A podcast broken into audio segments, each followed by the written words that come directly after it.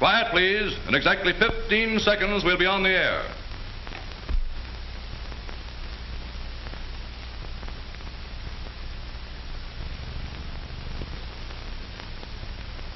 Radio. How did the word radio come into being? According to Webster in 1961, the word radio means radio telegraphy, radio telephony, or other system employing radio waves, a radio message. As an adjective, it is of or pertaining to employing or operated by radiant energy, specifically that of electric waves. The earliest use of radio in the communications art was as a prefix. E. Mercadier in 1980 proposed the term radiophony for the French language expressed as radiophone in English as a general word signifying an apparatus for the production of sound by any form of radiant energy. The Latin word radius, meaning beam, was the original source for radiant in radiant energy. The magazine Titbits referred to radio conductor as part of the apparatus used by Marconi in his wireless telegraph. The word radiotelegraphic appeared in September 1902 in Nature magazine.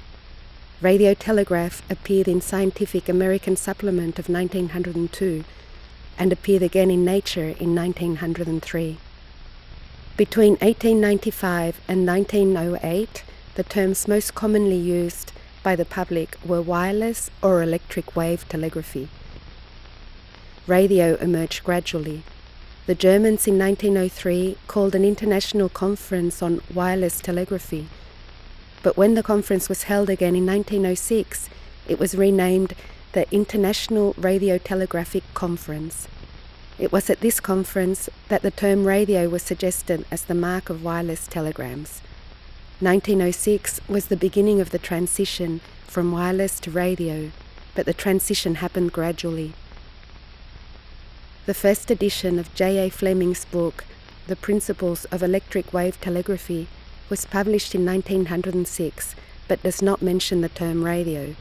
However, the second printing from 1908 includes radiogoniometer and radiotelegraphy, while the second edition in 1910 contained 12 index items using radio as a prefix. Another support for 1906 as the year of emergence for the word radio is the establishment that year of the Amalgamated Radio Telegraph Company, the first company to have used radio in its name. By 1912, the Institute of Radio Engineers first used the word radio as a standalone name, a word in its own right.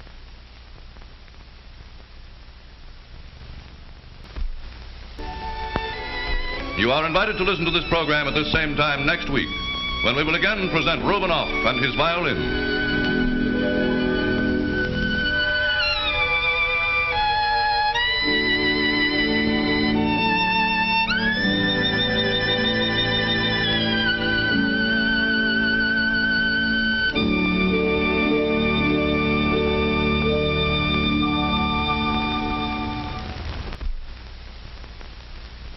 This text was excerpted and adapted from an editorial column entitled Poles and Zeros, published in Proceedings of the Institute of Radio Engineers in September 1961.